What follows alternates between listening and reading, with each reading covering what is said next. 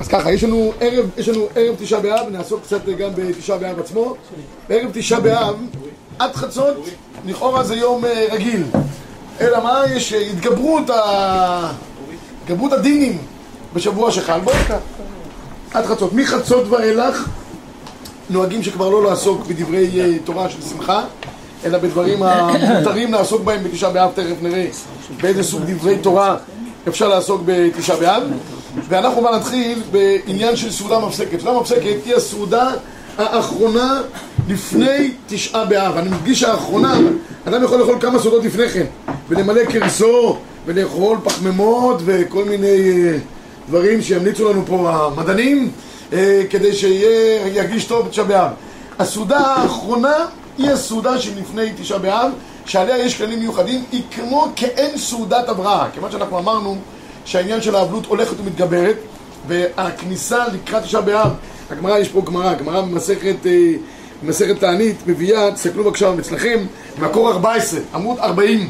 אמר רבי יהודה אמר רב, כך היה מנהגו של רבי יהודה ברבי אלעאי, ערב תשעה באב, מביאים לו פת חרבה במלח, יושב בין תנור לקיריים, אויכל ושויטה עליה קיטרון של מים, ודומה כמי שמתו מוטל לפניו. זה כאילו גדר של אוננות כזאת, ואז תשעה באב זה כמו גדר של שיבה.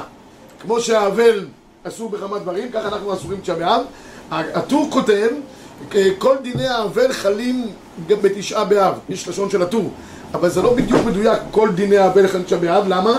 כי בדיני אבל יש גם לא תעשה ויש גם דברים שהוא צריך לעשות למעשה, באופן אקטיבי. בתשעה באב לקחנו את דיני האבלות במה שהם נוגעים ללא תעשה. אסור באמירת שלום, אסור בדברי תורה, צריך לשבת על ה... לא יושב על גבי כיסא, זה לקחנו. אבל את העשה שבאבלות לא לקחנו, לא לקחו עד כדי כך. למה? כי לא, לא רצו חמזה לעשות את זה לגמרי. למשל, יש מנהג שהאבלים, הגמרא מאוד קטן מביאה, בפרק אלו מגלחין, האבל יושב בעטיפת הראש. כמנהג התימנים עד היום, הם האותנטיים ביותר. עכשיו באב אף אחד לא יושב בעטיפת הראש, וכן על זו הדרך. רק בלא תעשה ולא בעשה. אז סעודה מופסקת, יש לה דינים מיוחדים. מה הדינים? מה החובה? כן, כן, כי זה סעודה שהיא כמו, זה חלק מהאבלות. תכף אני אסביר גם למה זה חובה, כדי להראות כמה זה, כמה זה גדר חלק מהאבלות. הכוונה היא בקרחצן של הבית. כן, בפינה תיכנס שם בין המיקרוגל לזה, למחם.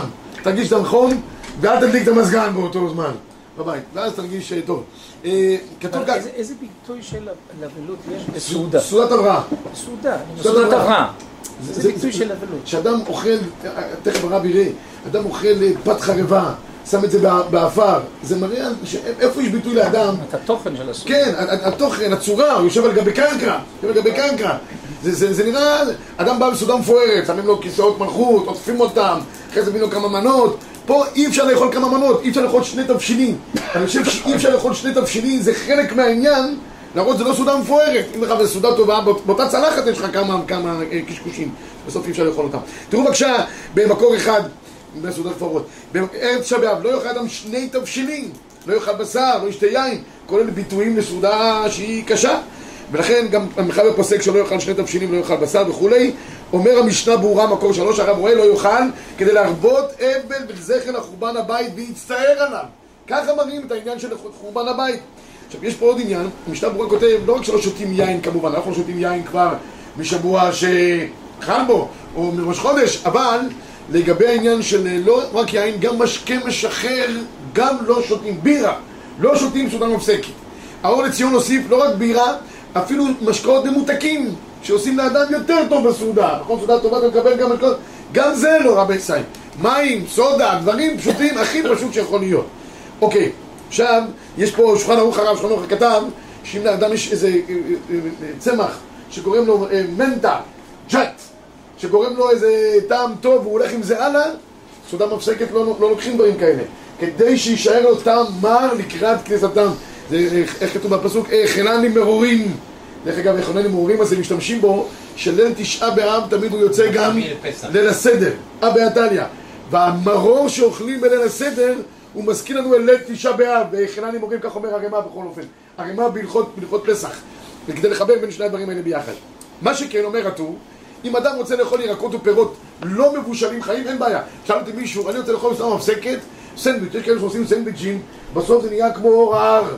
הם שמים מרגרינה, ואחרי זה גבינה תשובה, ואחרי זה גבינה מלוכה, ואחרי זה גבינה רגילה, ואחרי זה ירקות, וזה נראה בסוף כמו איזה... בסוף ריבה. בסוף ריבה. וחרדל זה נקרא טוניסאי, אני חושב, לא? סנדוויץ' טוניסאי. ממש נראה כמו ג'רבה כזה גדול. בסולם שק אין בעיה. אם אתה אוכל דברים שהם לא מבושלים, אתה רוצה לשים כמה בכמה שכבות, מבחינתנו אין שום בעיה. יפה. אה, השולחן ערוך כותב, לא אוכלים שני מיני תבשילים, כי זה דבר יותר יוקרתי, ולכן זה משביח את הסעודה. אז הוא אומר, אפילו, בשני, אפילו בשל מין אחד בשתי גדרות, מקרה שני תבשילים. הרב עובדיה אומר, זה בגלל שזה שני תבשילים שונים, אבל הנה למשל, יש תבשיל אחד, משפחה גדולה, צריכים לקחת כמה סינים. אותו דבר בדיוק, אין בעיה. זה לא בגלל שזה שני גדרות, זה עושה את זה שני תבשילים. אבורט הוא שני מיני תבשילים שונים, שאדם שם לאכול אותם ביחד ועושה לו סעודה יותר יוקרתית. יש עוד דבר אחד בעניין של שני תבשילים, אם יש רגילות לאכול דבר שהוא באופן קבוע אוכלים אותו ביחד. הדוגמה הכי טובה לזה שקשוקה. שקשוקה זה טוב לאכול, למה? כי יש בזה ביצה, ביצה זה מאכל אבלים, ואוכלים את זה תמיד עם העגבניות ביחד. דרך העולם לערבבם ביחד, לכן זה נקרא, גם משקשקים את זה ביחד, לא? אז במקרה כזה, זה לא נקרא שני תבשילים. האור לציון כותב, אדם אוכל מרק ירקות עם כמה סוגי ירקות מבושלים בתוכו. אין בעיה. למה? דרך העולם לאכול את זה בצורה הזאת. בסדר? כן, קורס ומרק זה שני תבשילים. מה? דרך העולם. העולם. זה נראה לי ממש, זה תבשיל, זה לא, זה לא, אה, אה, זה לא תבשיל שאתה מפריד אותו, אה, שאתה אוכל אותו ביחד, מבשל אותו ביחד. אתה עושה, את זה ביחד גם? אתה קורסים מהרמ"ק? לא יודע איך עושים דברים כאלה. מה? בנפרד, אם אתה עושה את זה בנפרד זה נראה שני תבשילים ודאי. אם היית רגיל לערבב את זה בתוך המרק, את הקוסקוס, כמו שמערבבים למשל אטריות בתוך המרק, אז זה נקרא אחד. בסדר? אוקיי. יש אנשים שכאילו זה ארוחת צהריים של מחורה, אז כאילו... תשמעו רבותיי, אני רוצה להגיד משהו. אם מישהו רוצה לאכול קוסקוס במרק, או לאכול, מה אתה אוכל ארוחת צהריים גרועה? שניצל עם צ'יפס. לא יודע, כל אחד מה שדרכו, תאכל, אין שום, אף אחד לא מפריע לך, רק את הסעודה המופסקת, תאכל תבשיל אחד. אתה איתי? לא, אני שואל הפוך. בדרך כלל אוכלים, יש אנשים שהם אוכלים מאוד פשוט. אז כאילו זה, כאילו זה אה, נראה שהם עושים... שמע, אתה רוצה את התפריט האידיאלי בסעודה מופסקת? איך זה התפריט האידיאלי? אם היה כזה, אתה יודע, השף קדוש, זה היה על השולחן בסעודה מופסקת, אני כבר קורא לך. תראה בבקשה במקור 15, לאור הגמרא שראינו ברבי אליי. מי שאפשר לו, לא יאכל סעודה מופסקת אלא פת חרבה במלח וקיטון של מים. אם אדם אוכל כל יום ככה, תפנו אותו למסגרות הנכונות, כן? אז זה התפריט, רבי צי. באמת, ככה מנהג העולם, המנהג הוא... אני, רוצה להגיד נקודה אחת, יושבים על גבי קרקע. אני שבוע נתתי שיעור צור באיזשהו מקום, לא אזכיר, אבל במרחק כמה קילומטרים מפה, אנשים היו בשוק שיושבים על גבי קרקע. מה זאת אומרת? סעודה מפסקת, הסעודה האחרונה, המתכון שלה שיושבים על גבי קרקע, עושים איזה מחצלת, לא יושבים ישירות על גבי קרקע, ואוכלים ככה סעודה, לא אוכלים גם מזומן, לא יושבים שלושה גברים ביחד בבית ואוכלים, זה גם לא סעודה להתרועע, מתחיל עכשיו לספר כל מיני סיפורי מייסס, זה סעודה של קרחצן, יושבים על גבי קרקע, כאבלים, אוכלים פת חרבה עם קצת מלח, ויש גם כאלה שלוקחים קצת עפר אפילו. תראה את הרמ"א, הרמ"א אומר, ויש מחמירים לטבל אחריו באפר ולאוכלו, על שם ויגרס בחצץ שיניו. ויגרס. ויגרס, מה שלא יהיה, העיקר תגרוס. את החצץ שיניו, כן? ואין צריך לחלוץ, לא, ברור. בקיצור, מה שאני רוצה לומר, אם זה המצב של כל אדם, שביחד. בסדר. עכשיו, אה, כתוב בכף החיים, יש אדם מבוגר שלא יכול לשבת על גבי קרקע, הציבור נוהג לשבת על גבי קרקע? מה? בסעודה לא. בסעודה מפסקת. לא, לא יודע זה. לא יודע מאיפה זה, למה זה לא... אשכנזים לא נכנס להם, ברצינות. לא, לא. בית אצלי לא. בית חסידי לא עושה את זה. לא, מה שלא רוצה. אבל אתה יושב על מזרון או על המספר? לא משנה, אבל אתה יושב על גבי קרקע. לא יודע, אני גם איפה שהייתי, כולם אמרו לי, מאיפה הבאת את הדבר הזה? אמרתי, רבותיי, זה הערכה מפורשת. הרב, נראה לי שלאשכנזים צריך גם כן לפרוק לאכול סליחות. לא, אני אגיד לכם, זה מאוד תמוה לי, כי כולם אמרו לי, אז אחד שם היה, הוא אמר לי, כן, למדתי בישיבת בית אל, שם פעם ראשונה, פתאום אני רואה, ערב תשעה באב, יושבים לדבר, אמרתי, מאיפה זה הגיע לכם הסיפור הזה? הוא שואל אותם. רבותיי, אני חושב לעשות בזה תיקון. מעניין, מעניין. לא יודע, אני כאן כבר, אני כאן בזה... כף החיים כותב... מה, מה? לו רעיון. תגיד לו. אה, הקו הח- הקו החיים כותב במקום מקום 16 הוא בסדר אם אינו יכול שלגבי קרקע ישנה מקומו אבל תראו בבקשה, אני, אני, מה שאני אגיד לכם, אה, את האמת, אני די תמוה על זה שלא, אנשים לא נוהגו את זה, לא נוהגו את זה, טוב, לא יודע, אולי חסידים, אולי חסידים, חסידים, אה, חסידים, לא יושבים על מה, יש להם אה, את הרבה, אז אני לא צריך... אה, לא יודע, לא יודע. בקיצור, בכל אופן, ב-17 כתוב בשולחן ערוך, קודם סתם מפסקת שאין לאכול אחרי עוד סעודה. כשהוא אחר חצות, קודם כל סעודה מפסקת אוכלים אותה תמיד אחר חצות, כמו שאמרתי, היא הסעודה האחרונה לפני תשעה באב. המנהג מקווה שאוכלים צהריים, כן, כמה הסעודה, הוא כותב כאן, וכולי. עד כאן לגבי עניין של סעודה מפסקת, אה, אני לא יודע, אני אולי אברר את זה שוב פעם, אבל מי שיכול לעשות תיקון ולפחות לשבת, אה, לא יודע, חלק מהסעודה, מישהו אמר לי שהוא עושה, הוא אוכל סעודה על השולחן באופן נורמלי, כשהוא אוכל את הביצה או משהו, אז הוא יושב לגבי... זה הרב מכיר את הסיפור הזה? זה יש אולי יותר מצוי. אנחנו נוהגים מנהגנו הספרדים בכל אופן, בכל מקום, שהם שבט על גבי קרקע כפשוטו. הילדים אוהבים את זה, כאילו, זה... בשבילם זה חגיגי. אה, טוב, עד כאן לגבי עניין של סעודה מפסקת. עכשיו נעסוק לגבי עניין של הפטורים מן הצום. לגבי פטור מן הצום, אני רוצה לחלק את הצומות לארבעה קבוצות. הצום החמור ביותר שיש זה צום כמובן יום הכיפורים שבאכילתו ובשתייה ביום הכיפורים חייבים כרת לא עלינו לאחר מכן יש לנו צום תשעה באב שמחלוקת ראשונים האם צום תשעה באב הוא מדברי סופרים או מדברי קבלה כי הרי זה מופיע בפסוק ולאחר מכן יש לנו שלושת הצומות שזה צום גדליה עשרה בטבת י"ז בתמוז ולאחר מכן צום תענית אסתר בצום יום הכיפורים יחיו כרת בתשעה באב אה, לגבי עוברות ומליקות או מי שיש בו חולה שיש בו סכנה, או שהוא יאכל, אז זה, זה דין אחר לגמרי. דין, דין אחר לגמרי, הפוסקים נחלקו. הראשונים נחלקו, האם יש דין בתשעה באב כדין יום כיפורים? כי יום הכיפורים, מי שחייב לאכול, מאכילים אותו, הכלל ההלכתי מאכילים אותו עקל, עקל, לא נותנים לו ישר לאכול מהשיעורים, ככותבת הגסה או כמלוא לוגמם, נכון? אז יכול להיות שגם בתשעה באב, מי שחייב לאכול, ותכף נראה, אולי גם עשה לו שיעורים. הפוסקים אומרים לא, רוב הפוסקים סוברים אין שיעורים בתשעה באב, מי שצריך לאכול שיאכל, עד שתשוב אליו נפשו, בסדר? אבל מחמירים יותר בתשעה באב משאר תעניות. ופרות ומניקות בשאר הצומות לא צמות. הרב עובדיה אומר, אסור להם לצום. ככה גם משמע מדברי הרימה. וצום תענית אסתר הוא באופן כללי יותר קל, כי הוא צום של שמחה. אז כתוב במחבר, מי שאפילו יש לו מחוש בעיניו, יאללה. אפילו חולה שאין בו סכנה, זה עכשיו מחוש בעיניו. חולה שאין בו סכנה, יכול לדלג על הצום הזה. אלה ארבעה קבוצות של הצום. עכשיו, מה קורה לגבי עוברות ומניקות בתשעה באב? זה מה שמעניין אותנו. אז כתוב במחבר ככה, הכל חייבים להתענות בארבעת צומות הללו ואסור לפרוץ גדר. אגב, מיהו עוברות ומניקות שמצטערות הרבה, אין להתענות, אפילו אינן מצטערות. אינן חייבות להתענות אלא שנהגו להחמיר, ודווקא בגימל צומות, אבל בתשעה באב מחויבות להשלים. הנה אתם רואים את הדרגה היותר חמורה בתשעה באב, שעוברות ומניקות כן צריכות להשלים את צום תשעה באב. אבל, כאן בא אבל הגדול. אומר המשנה ברורה, אם זה עוברה שהוכר עוברה, אז כבר יש מקום יותר להקל. לאחר מכן הגיע ערוך השולחן. ערוך השולחן במקור 22, תמיד אני אומר, ערוך השולחן הוא, הוא, אה, שונה מהמשנה ברורה. המשנה ברורה היה ראש ישיבה. ראש ישיבה, אם הוא רוצה להיות ראש ישיבה טוב, הוא צריך תמיד להחמיר. אז הוא גם נקרא, נק, נקנה יותר טוב בעיני התלמידים שלו.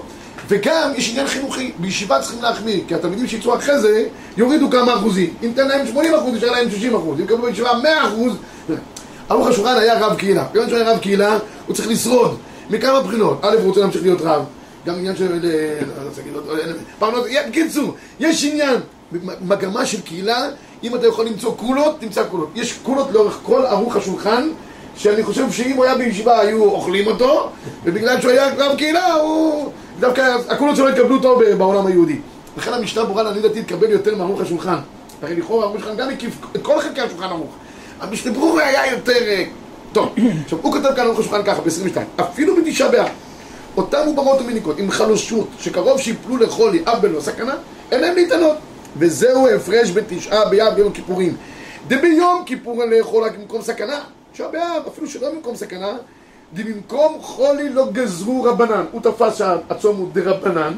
אז אם הוא דרבנן כמו שאר הצומות ג' הצומות האחרים במקום חולי לא גזרו רבנן. ולכן לגבי עוברות אישה, אישה בהיריון היום המגמה היא להקל כלפיה אני אומר, הרבה שואלים מה, יש לי בהיריון, מה אני עושה? קודם כל שתצום בליל תשעה באב שיהיה חלק מכלל ישראל.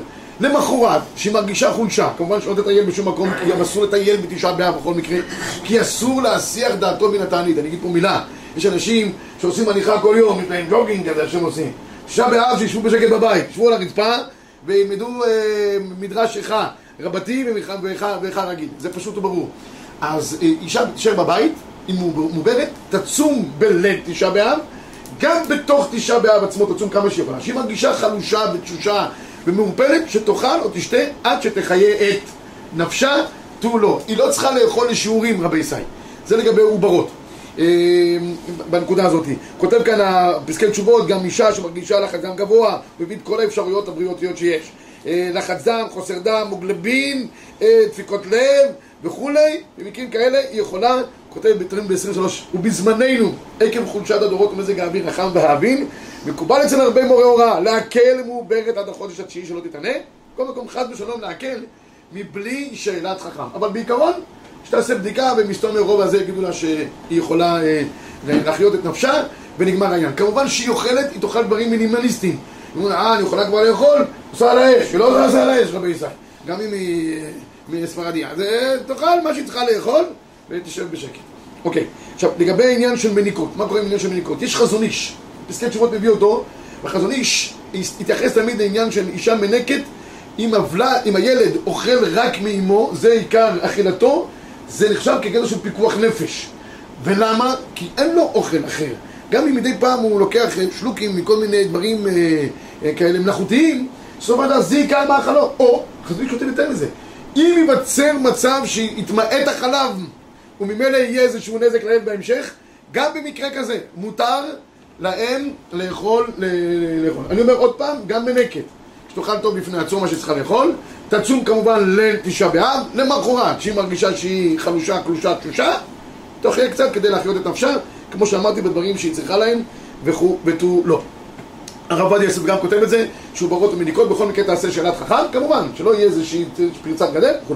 לגבי ילדים, ילדים כמו שביום כיפור, יש עניין שבילדים אנחנו מחנכים אותם לשעות, יש כלל בהלכה. בהלכה כתוב בהלכות אבלות, לא מחנכים ילדים לאבלות. זה ילדים, ילדים לא צריכים להתחנך למצוות, לא דברים כאלה. אבל כיוון שפה מדובר באבלות לאומית, כן מחנכים את הילדים, כמובן, תלוי בגילם, אה, ליל תשעה באב עם ילד קטן מאוד, שייתנו לו איתו. אבל ילדים שקצת מבינים עניין, לתת להם לאכול רק למחרת, וכתוב שמרגילים אותם להתענות לשעות. כמו יום כיפור, לשעות. היה רגיל לאכול כל יום לחמניה ושוקו ב-10, ייתנו לו פרוסה יבשה עם מים ב-11. למה? צום היום, ידידי. היום אה, תשעה באב, כולם צמים, כולם סובלים, גם אתה בתוך העשר. יפה. עד כאן לגבי הדבר הזה. עכשיו הדבר הבא שניגע בו, יש ביום הכיפורים, בתשעה באב יש חמישה עינויים שיש בתשעה באב. חמשת העינויים הם מקבילים ליום הכיפורים. אמרנו אכילה ושתייה, אף על פי שאין כמות של שיעורים בתשעה באב, אבל יש כן אה, עניין של אה, שאר העינויים. מה הם? נעילת הסנדל, כמובן לא נעלי אור. יש פוסקים שאומרים שלא מספיק שזה לא יהיה נעלי אור. היום יש נעלי ספורט כאלה, שאתה הולך ואתה מרגיש שאתה מרחב על פני המים. זה אנשים מרגישים שהם אה, מעופפים. יש כאלה פוסקים זה לא, זה לא, זה לא, לא מרגיש את צריך שירגיש את הרצפה, ללכת נעלי כפכף כזה, שירגישו חיכוך עם הרצפה. בכל אופן, זה, זה, זה מה שצריך לעשות. ללכת עם להרגיש בי. יפה. יצא תימני. לא? אז זה, זה, זה הגדר של נעילת הסנדל.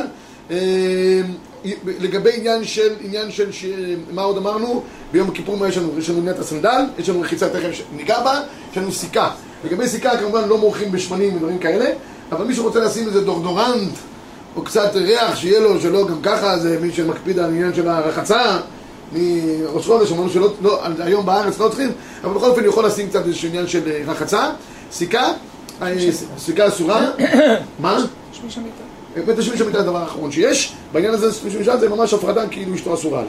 אוקיי, עכשיו ניגע בעניין של רחיצה. גמרא במסכת פסחים, מקור 25. אמר רבי אלעזר, אסור לו לאדם שיושיט אצבעו במים תשעה באב, כדרך שאסור להושיט אצבעו ביום הכיפורים. כל הושטה במים אסורה. עכשיו נגיד פה איזושהי מילה, לכן המנהג הוא, אומר הבית יוסף ב-26, שון רבנו ירוחם, גדולי הראשונים, הסכימו בעלי התוספות שנותן דם שחרית, ובמקום צריך להיזהר שלא ליטול אלא עד סוף קשרי אצבעותיו, ולא כל היד ואך אין הקטינה. אז אם אנחנו נוטלים ידיים, עד קשרי אצבעותיו. אני רוצה להגיד מילה על הדבר הזה. יש פוסקים שאומרים שלמה אנחנו נותנים ידיים של חרית? כדי להסיר את הרוח הרעה שיש לנו. הרוח הרעה יש לה כללים איך היא מוסרת. למשל, רוח רעה לא מוסרת בלי כלי. כתוב שללית הזאת יש לה כללים, היא לא הולכת בכל מקרה, היא לא אחת שבאה ובורחת. אז צריך להיות בכלי. אז היא צריכה גם שיהיה, אדם ייטול את כל ידו. אי לכך, הרבה נוהגים שבמוצאי תשעה באב, לפני תפילת ערבית, רצים ליטול ידיים את כל היד בכלי לסירוגין. כאין נטילת ידיים שחרית, כדי להוציא בטוח את הרוח רעה שהיה. אז שאלו אותי, אז אם זה ככה, אז אם נותנים רק לשאול דולב רוח רעה לא יצא, אז איך אימהות נותנות לילדים שלהם אוכל לאכול? הרי כתוב שמי שהוא אה, לא נותן ידיו, אסור לו לגעת באוכלים, נכון? אז אני אמרתי להם שזה לא גרע, איך אוכלים אה, אנג'ל או ברמן, שומן, כולם, כולם אה, נתנו ידיים שחרית לסירוגין עם נגל וסר? לא נראה לי. אז מה, איך אנחנו סומכים? מסתום, אני מקווה שכל העובדים בכל התעשייה של האוכלים, לפני כן לפחות רוחצים ידיים. רוחצים ידיים. גם ככה קורה הרב עובדיה יוסף. אני אומר את זה בשם הרב עובדיה יוסף. לא, לא, לא. אז אני, כרגע שהם רחצו את ידיהם, כבר הוקלשה הרוח הרעה. ועל סמך זה אנחנו אוכלים כל מיני פלאפלים ושאר מינים בשביל שיש. בסדר? אז אז גם כאן, הרוח רעה הוחלשה, ראוי במוצאי תשעה באב לפני יום הכיפורים, בדרך כלל קשה מאוד כי איך היא נמצאת, זה- הביאור החום כבר נמצאים בבוקר בסוף, זה משהו אה, מדהים, היה- אז אז אה, אתם אומרים שבמוצאי יום כיפור, למה צריך ביאור החום? רק על רק על המים הזה צריך ביאור החום. אז אז אה, ראוי ליטול ידיים את כל היד כולה לסירוגין. אוקיי, עכשיו מה קורה אם אדם, סליחה מכבוד תורתכם, נכנס לבית הכיסא או אה, החליף לילד שלו, בקיצור נתלכלך באופן כזה או אחר. מה נגיד, רחיצה אסורה? הכלל הוא שרחיצה לשם תענוג אסורה. לכן כתוב כאן אה, ב-29 במחבר, אם היו ידיו מלוכלכות, ביתית, בצואה, מותר לחוץ להעביר הלכלוך. ולא ייטול כל ידיו אלה לפי הצורך, כדי להעביר הלכלוך. מי שאל אותי, מה עם סבון? אם סבון צריך כדי להעביר את הלכלוך, זה חלק מהרחיצה שלו לשם תענוג. בסדר? אומר, אומר המשנה ברורה בשלושים, מותר ללחוץ ולהעביר, דאינו אסור אלא רחיצה של תענוג. מטעם זה, נשים המבשלות וצריכות לרחוץ הבשר, עבדים ממנה רוחצות גם ידיה, מותר. יש מגמה, במיוחד אצל הספרדים, בתשעה באב בחצות, להתחיל להרגיש תהליך של נחמו. נחמו, נחמו עמי יוגע. איך תהליך של נחמו? צריך תכלס באוכל, לא רק אה, נחמו. צריך להגיד איזה. אז הופכות את הבית, יש כאלה ששוטפות את הבית באיזה... המשיח נולד באותו, באותה רגע.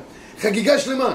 מתחילים לאפות, לבשל, זה חלק מהשמחה שיש. אז נשים שעושות בישולים ואפיות וכל הדברים האלה, וצריכות לרחוץ את ידיהם, תרחץ, אין, אין שום בעיה. זה לא רחיצה לשם תענוג, זה רחיצה לשם... אה, אבל מישהו אמר שמותר גם לאכול. לילד שמותר רק לאכול בשר.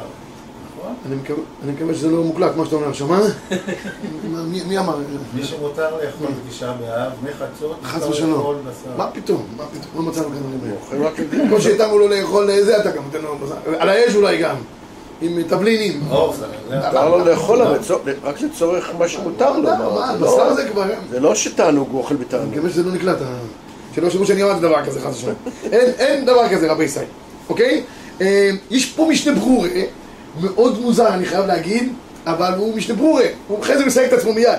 ב-32 אומר המשנה ברורה, מלשון זה משמע, שהרי מלשון זה כוונה ישירה רחיצה לשם תענוג אסור, אז הוא מסיק מסקנה.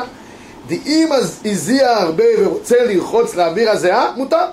כיוון שלא רחיצה של תענוג, אדם הלך ביום כיפור לכותל, מזיע כולו בחום שהיה שם, מגיע הביתה כולו נוטף, יאללה, מקלחת, תשעה באב, שמח. אז כותב פה מיד, ב-33 שמכל מקום, מי שאינו איסטיניז ולא צריך רחיצה הזו כל כך נכון להחמיר, לא ללחוץ בשביל העברת הזיעה, כמו שאסור לסור בשמן, להעביר הזוהמה, בסדר, יש גבול, רק אם אדם שמרגיש ממש גועל נפש אה, מרוכז, אז, אה, אז, אז באמת יהיה, יהיה מותר לו. אוקיי, עכשיו, אה, עוד דבר אחד, יש ב-35, כתוב ככה, גם כולה מעניינת שמביא אותה ערימה. מותר לשרות מפה במים בערב תשעה באב, ומוציאה מן המים והיא מתנגבת, ומקנח בה פניו ידיו רגליו, ואפילו אינו עושה רק לתענוג, כיוון שהיא נגובה. בקיצור, מתליות לחות, מגבונים בעברית קלה. לכאורה משמע בתשעה באב, לפי הש- השולחן ערימה, שמותר, יש כאלה מגבונים שמרעננים קצת. בסוף הטיסה מביאים לך... אה, אם תשים את זה בהקפאה, יהיה לך יותר יותר תענוג. למה זה יהיה יבש לגמרי? לא, זה פשוט גם לח טוטאלית. וגם קר, אה. לצנן את הגוף. טוב. שים את הפנים במקפיא. אין בעיה. חשבתי על זה גם. בסדר. קיצור, רבי זה, כולה גדולה הדבר הזה. וכותב כאן המשנה ברורה ב-36 מביא, זה דירשו. טוב, זה- זה כן מותר עם המרגבונים? מגבונים נחים, אבל לא שהם טופח על מנת להטפיע. זאת אומרת, הם לא ממש. אבל כן, אם יש לך מזל. זה לצורך תענוג בעצם. מה? אז זה... כשאדם מתנגב, הוא נהנה, הוא מרגיש יותר טוב. לא, לא, לא, תשמע, אם אדם, לא אסרו לך לעשות דברים של עינוי בכוח. הגמרא אומרת, זה גמרא ביומא, שם ישב בחמה. אתה רוצה להגיד שאתה קרצן, שב בחום, אין לי, אתה צריך, ל- מה שאסרו, אסרו, מה שלא אסרו, לא אסרו. בסדר? אז אם אתה רוצה לה- להתרענן, אין בעיה. אומר המשנה ברורה, לחוץ כלים תשעה באב דעת הרב פיינשטיין, שאם אינו צריך להם היום אסור לחוצם, כן זה כתב באור לציון, שאין לרחוץ כלים שלא צריך להם כעת, כיוון שבכך מסיח דעתו מאבלות, אך הוסיף שלאחר חצות מותר לרחוץ הכל. כן, שכתב בשולחן ערוך שמותר להכין צורכי סעודה לאחר חצות. אחרי חצות יש מגמת הקלה. עובדה שמחצות ואילך כבר יושבים על הכיסאות, האווירה קצת מתרעננת לקראת הנחמו שיש בדבר הזה. למה? כי מ- מ- ממנחה כבר לכולי עלמא אומרים נחם. יש כמה מנהגים לגבי העניין של נחם. אשכנזים אומרים את זה, אני חושב, רק במנחה של תשעה באב. יש כאלה שאומרים את זה בספרדים, אה, בערבית, ש... נגיד מילה אחת לגבי עניין של נחם, היה הרב חיים דוד הלוי, רבה של דוד. ש- כן, אתה, ראשון לציון, ותל אביב אחרי זה. אני זוכר אותו בתור ילד, הוא היה גאון גדול. זוכר את המשקפיים, שהיה משקפיים של פלוס, היו אז משקפיים כאלה שנראות חצי, חצי בקבוק. הוא היה, היה לו, היה, הוא היה מהחבורה של גאוני עולם, של הרב עובדיה, של הרב אליהו, של אה, הרב בן ציון, הם היו חבורה בבית יוסף, של אה, פורת יוסף. אז הוא כתב שהוא לא יכול להגיד את ש- הנוסח של היום. מה כתוב בנחם הזה? העיר שחרבה ושוממה מבלי בניה יושבת. מה, זה ירושלים היום? חרבה, שוממה, בלי בניה יושבת? הוא אומר, אני מוסיף מילה. העיר שהייתה חרבה ושוממה. קפצו עליו כולם. מה, מה, מה, להכניס אה, מילים בתוך הנוסחאות? לא יעלה על הדעת. במיוחד שאנחנו רואים היום מה קורה בירושלים. העיר לא, אה, חרבה ושוממה, לא, לא כולה אה, זה, מיושבת. בכל אופן, רק לגבי הדבר הזה. הדבר האחרון שניגע בו היום, זה לגבי תלמוד תורה בתפילין. וזה- לגבי תפילין לא אגע, כי כל אחד במנהגו, יש מנהגים שמתפללים שחריס במניין עם תפילין, מנהג ירושלים. יש כאלה שמתפללים ביחיד עם תפילין, ביחיד עם תפילין, ואחרי זה מתפללים כולם ביחד במנחה עם תפילין. ויש כאלה שנוהגים לה- בכלל שחרית ביחיד בלא תפילין, ולאחר מכן במנחה בציבור עם תפילין. האשכנזים נוהגים ציבור בלי תפילין. נכון? עוד, עוד מנהג שיש. בקיצור, כל מי שנוהג, יש לו על מי לסמוך באופן כזה או אחר, שיסתכל במנהג המותר. מה קורה לגבי תלמוד תורה בתשעה באב? אה, תלמוד תורה, במקור 37 כתוב ככה, אסור לקרוא בתורה בנביאים כתובים, לשון במשנה בתלמוד גמרא של ההלכות והאגדות, אבל קורא במקום שלא רגיל לקרוא ושלא במקום שלא רגיל לשנות, וקורא בקינות, באיוב ודברים הרעים שבירמיהו, ותינוקות של בית רבן בית אלין, משום שנאמר פיקודי השם ישרים, מסמכי לב. יש חקירה יפה של הרב סולובייצ'י בהררי קדם.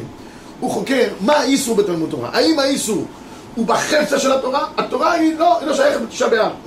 השם ישרים מסמכי לב, או האיסור זה בגאווה, ככה אני קורא, ככה אני מסביר אותו.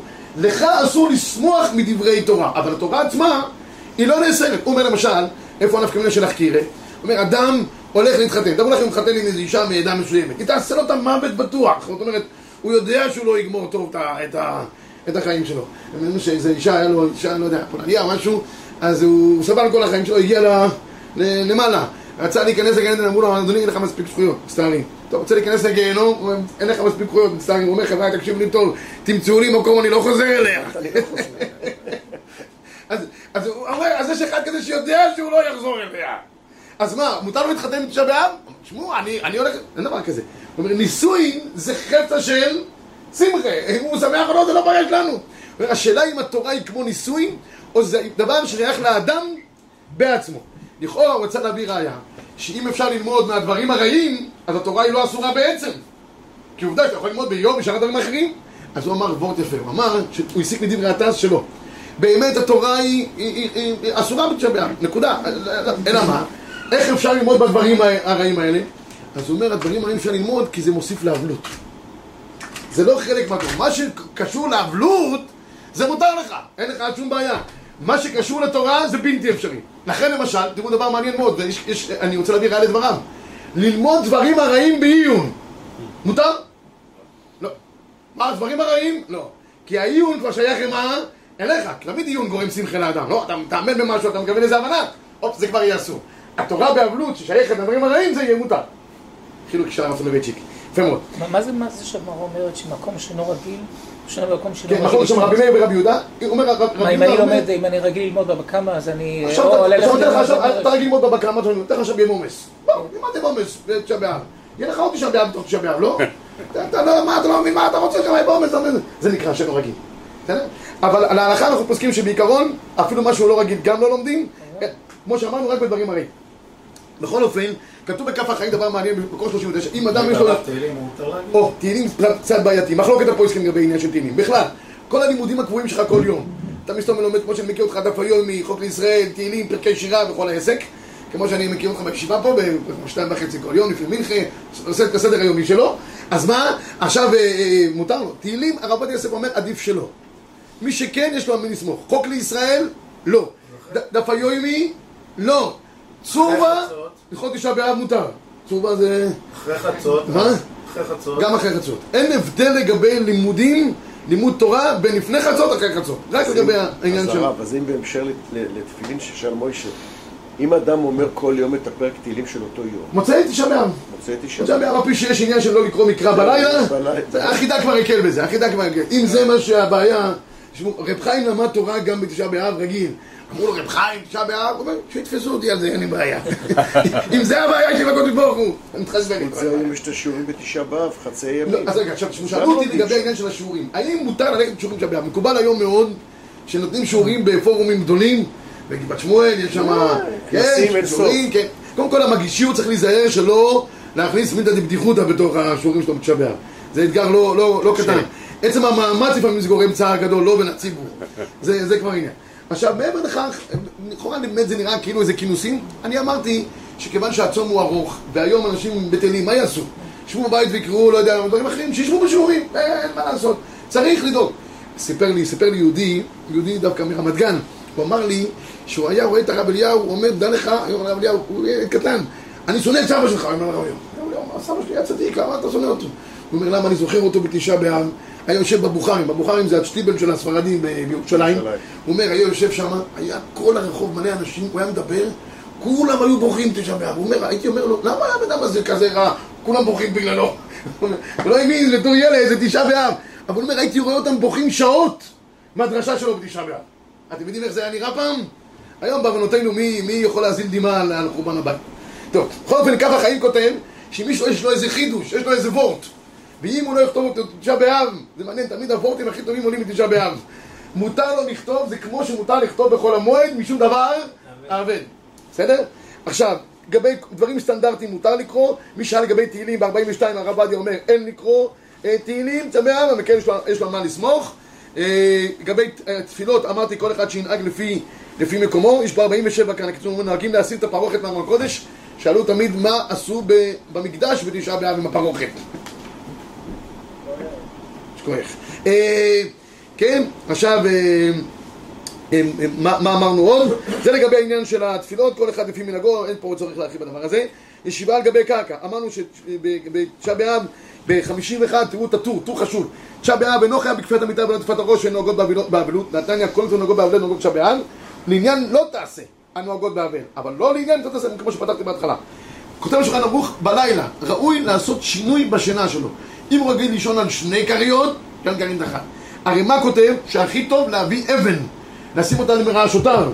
כאין יעקב אבינו שידע שיהיה חורבן, וכבר וישם את האבן למרעשותיו. בקיצור, צריך לישון קצת בקרצן, לא לישון כמו שהוא רגיל בתענוג של כל השנה כולה. אה, לגבי ישיבה באיזה, אמרנו, אה, נהגו לשבת עד חצות על גבי אה, קרקע. לגבי עשיית מלאכה, נהגו שלא לעשות מלאכה בתשעה באב, כתוב שמי שעושה מלאכה בתשעה באב לא רואה סימן ברכה, והגמרא אומרת שתלמידי חכמים נהגו שלא לעשות מלאכה, והגמרא אומרת שבזה כולם יהיו תלמידי חכמים, זה כולם יכולים להיכנס למועדון הזה, אם זה העניין, זו התוצאה, אין בעיה. אה, דברים שאדם חייב לעשות אותם, אם זה דברים שיהיה לו אה, עיבוד, או זה, זה יהיה בכל אופן... אה, זה, חיי אדם כותב ב-57, מכל מקום ראוי לכל ירא שמיים להחמיר לעצמו שלא לעשות מלאכה כל היום, כדי לא להסיח דעתו מהאבלות. כי יש רצו להגיד, מחצות יש מקום להקל? לא, המנהג הוא כל היום, יש עניין לא להסיח דעתו מהאבלות. שאלו אותי, לגבי עניין, יש מקום שמקרינים סרטים עצובים וקשים מתשעה באב. הגירוש של גוש קטיף, כל דברים כאלה. האם זה ראוי? לעניות דעתי, גם אם אדם אה, נמצא במצב של... שיקרא ספרי אה, שואה בתשעה באב, זה בסדר גמור. ללכת לסרט, לא יודע, בתשעה באב, אודיטוריום, אפילו שזה ספרים קשים, אומרים כולם בוכים, כולם בוכים. אבל זה נראה אפס, אפס, אספקטית קוראים לזה בעברית קלה. אם אה, משהו אחר, האם משהו אחר לעשות, לשחק, מה מה? רואים את זה בבית, עניינים של תשעה באב, של, סליחה, בגירוש קטיף, שגם היה, שנפל בתאריך תשעה נכון, שבתשעה באב, נכון, כל היום תשעה באב. אבל אני אומר, בבית עוד איכשהו. ללכת, אה, מפרסמים, איפה אנחנו ביישובים כזה, אה, סרטים בתשעה באב, זה נראה כמו איזה... זה נראה לי קצת לא, לא ראוי. טוב, הדבר האחרון, לא שואלים שאלת שלום בתשעה באב.